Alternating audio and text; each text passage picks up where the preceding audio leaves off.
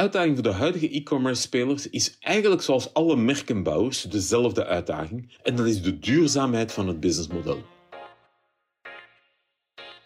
Hoi, ik ben Justin Sandé. Ik ben Head of Retail Media Management bij bol.com en Taskforce voorzitter uh, bij de VIA Taskforce e-commerce.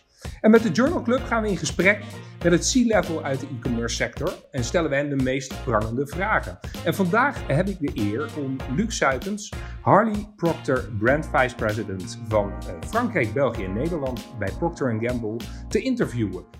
Uh, welkom Luc. Uh, en hartelijk dank voor dit moment. En ja, dit moment komt misschien ook niet beter. Want om op zo'n Hollands eventjes direct met de deur in huis te vallen. Uh, je zult nog een laatste maand actief zijn bij Procter Gamble. Um, wat ga je precies doen en, en komen we je nog tegen in de nabije toekomst? Ja, dat hoop ik wel. Uh, dank u vriendelijk voor de uitnodiging, Justin, om eventjes met jou uh, te delen. We hebben al veel jaren samengewerkt. Uh, de voorbije 17 jaar waar ik marketing voor P&G in Nederland heb geleid, hebben we heel wat watertjes doorzwommen. Het is mijn laatste maand en um, na 32 jaar verlaat ik Procter Gamble en word ik CEO van de UBA, de Belgische uh, tegenhanger van de BVA in Nederland, de Unie van Belgische Adverteerders. Kijk, fantastisch. Van harte gefeliciteerd, Luc. Dat is een, uh, een verdiende stap, denk ik ook, hè? na zoveel jaren in, uh, in de top van marketing uh, werkzaam te zijn geweest. Ja, het wordt een focus op België, maar na, na 17 jaar ook in Nederland marketing geleid hebben, voel ik me toch een beetje Neder-Belg.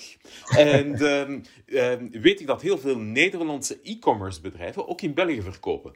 En daarom denk ik dat het ook nuttig is een, als UBA.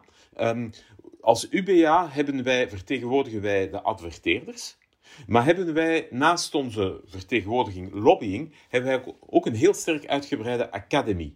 Ongeveer 100 cursussen, een rol die vaak in Nederland door het NIMA wordt ingenomen. En ik denk dat um, de rol van e-commerce daarin nog sterker kan groeien. Enerzijds al voor jullie als bedrijven binnen de UBA, maar ook hoe je marketing en hoe je het hele digitale ecosysteem in België werkt, ehm, denk je dat er ook een enorme connectie kan zijn met de UBA voor de, voor de e-commerce spelers in Nederland, die gelukkig ook heel actief zijn in België. Precies, nou dat is ook nou, direct een hele mooie brug, uh, uh, Luc, natuurlijk naar ja, eigenlijk de relatie tussen e-commerce en media. Want, want ja. uh, daar, daar hebben we allebei achtergrond en affiniteit mee. Wat, ja, is die relatie er volgens jou en wat, wat, wat, is die relatie? Ja, um, ik heb het voordeel um, marketing geleerd hebben, het vak geleerd hebben, nog voor het digitale bestond. En in, ik beschouw dat als een hulp, want uiteindelijk is er weinig veranderd. Toen Ariel gelanceerd werd in Nederland, kwam de helft van de brandbekendheid van het ontdekken van het merk kwam van de media en de helft kwam van de winkelvloer. Nu we naar e-commerce omgeving gaan, is dat nog steeds het geval. Maar er is denk ik een grote verwarring geweest bij heel wat mensen. Die, omdat het op een digitale platform is, is heel wat mediabudget van awareness naar performance marketing gestapt. En is awareness heeft een beetje afgezien. En dat was de sterkte van heel de e-commerce groei, dat heel die budgetten naar performance marketing, naar de closure zijn gegaan. Ja. Maar ik denk dat we nu op het moment komen dat e-commerce op een niveau van maturiteit is, waar met de data e-commerce terug mee gaat helpen op de awareness marketing. En waar het een, een denk ik, pijnlijke evolutie is van heel wat manufacturers, van heel wat adverteerders te veel van de voordelen van hun product hun geld te verschuiven naar plaatje, prijsje, koop het nu. Ja. Beseffen we heel veel dat ze daar te ver in gegaan zijn en gaan terug. En wat ik nu merk is dat de e-commerce spelers ongelooflijke partners daarin kunnen zijn om die balans terug te vinden. En dat de balans tussen media, awareness en closure op de, op de winkelvloer dan de online winkelvloer, dat die terug in balans komt. En dat het mooie voordeel is, de e-commerce partners daar een ongelooflijk positieve rol in aan het spelen zijn en daarin ook, ook, daarin ook meewerken. En kun je daar een voorbeeld van geven, Luc, wat, wat zo'n positief voorbeeld is? Positieve voorbeelden is dat uh, we merken dat uh, voor awareness media mensen willen gewoon relevante reclame krijgen. En vroeger was programmatic gebaseerd op je surfgedrag. Nou, als je sportkleding verkoopt, zijn dan mensen die voetbal op tv kijken geïnteresseerd in sportkleding? Nee, dat zijn mensen die effectief aan sport doen, aan wie je sportkleding wil verkopen. Dus je hebt gedrag, niet zozeer surfgedrag, maar purchase behavior, aankoopgedrag, is een veel betere voorspeller van echte interest. Nu, wie heeft het aankoopgedrag? Dat zijn de e-commerce spelers. Zij kunnen er dus voor zorgen dat media ook veel relevanter wordt. En daar denk ik komt de nieuwe rol ongelooflijk, ongelooflijk uh, terug naar de media. En gaat e-commerce media helpen performanter te zijn. Kijk, nou, dat is, een, uh, dat is overigens ook een, gelijk een mooie uitdaging voor de e-commerce spelers uh, in Nederland. Ja. Uh, helder, helder. En wat, wat is volgens jou dan, hè, want ik noem het al een uitdaging, wat is volgens jou de grootste uitdaging voor de huidige e-commerce spelers in Nederland? Wel, de, de, huidige, de uitdaging voor de huidige e-commerce spelers is eigenlijk zoals alle merkenbouwers dezelfde uitdaging. En dat is de duurzaamheid van het businessmodel. Um, de last mile voor e-commerce, al die busjes die rondkomen, ja. als ik dan toch nog even als PNG kan spreken, ik denk dat ja. geen enkel huishouden wil dat er aan de bel wordt gebeld vandaag voor Pampers, een uur later voor Gillette en nog een uur later voor Ariel. Dat is het duurzaamheidsmodel. Het bundling gaat meer en meer spelen.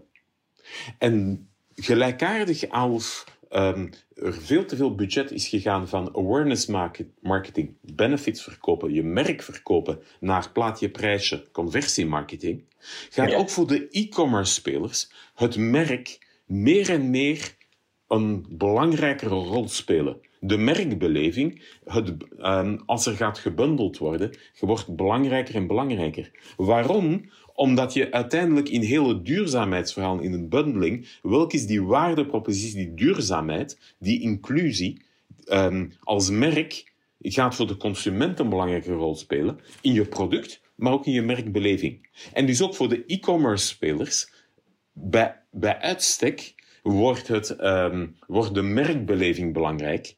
En um, denk ik is daar is, is die, die duurzaamheid superbelangrijk. En de manier om duurzaamheid te leven is op je product, maar ook op je merkbeleving. Dus ook e-commerce spelers gaan die, gaan die evolutie maken.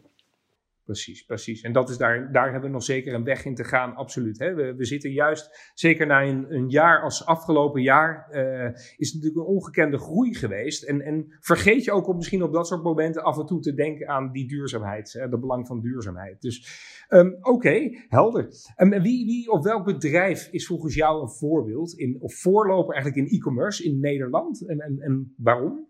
Wel, Justin, ik mag het eigenlijk niet zeggen omdat jij er zit, maar ik denk inderdaad dat Bol, dat mag wel, hoor. dat Bol uh, voor ons als PNG een ongelooflijke voorloperrol genomen heeft. Omdat Bol ook echt bezig is om van de klik naar het merk te gaan. En die merkbeleving is ook effectief nodig en dat bundelen gaat ook effectief nodig zijn om op een lange termijn duurzaam te zijn. Nu, Bol heeft een leidinggevende rol in Nederland, zeker vast in de sector. Maar er is daar een kleine uh, Amerikaanse buur die van over de grens in Duitsland. Uh, veronderstel voldoende, in, uh, voldoende last heeft gehad in Indië en Brazilië en die, die toch in de Benelux geïnteresseerd wordt.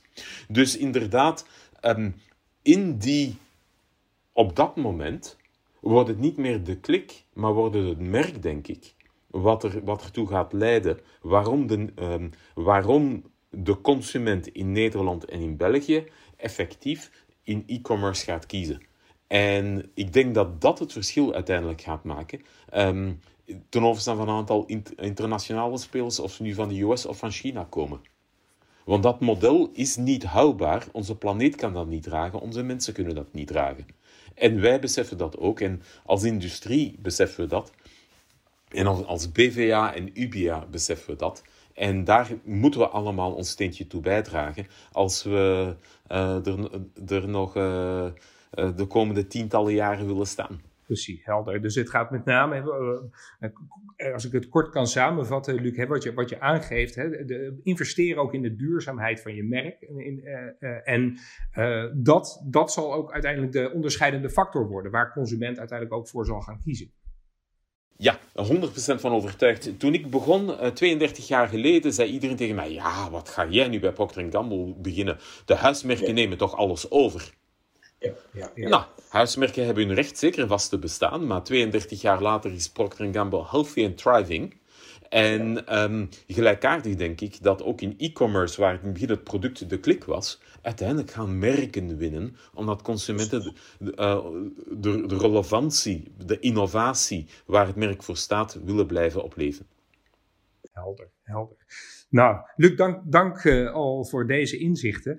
Uh, het is een kort interview, zoals gezegd. Uh, dus tenslotte sta, st ja, stellen wij altijd de, een, een, laatste vraag aan, alle, aan al onze uh, gasten. Um, en dat is, ja, wie zou volgens jou een interessante volgende ja, e-commerce C-level professional zijn om, om, om deze vraag aan te stellen? En, en waarom, waarom ja, die persoon? Ja, ik ga hem iets controversieel maken. Ik ga, dat mag, dat ik ga Alfred Levy voorstellen. Nou, je zal misschien zeggen, Luc, Alfred is van de vorige generatie. Alfred is de man van de winkelvloer, van het tv Precies, precies. En daar ga ik nu net niet mee akkoord. Alfred is voor mij iemand die de brand fundamentals begrijpt. Is iemand die begrijpt die zowel de awareness media als de handel begrijpt. En als e-commerce naar maturiteit wil komen en wil groeien, moeten we net die balans juist krijgen. En Alfred heeft er altijd in geslaagd zichzelf heruit te vinden, maar Alfred is ook een persoon die fundamentals in brandbuilding begrijpt, een gewaardeerde voormalige collega.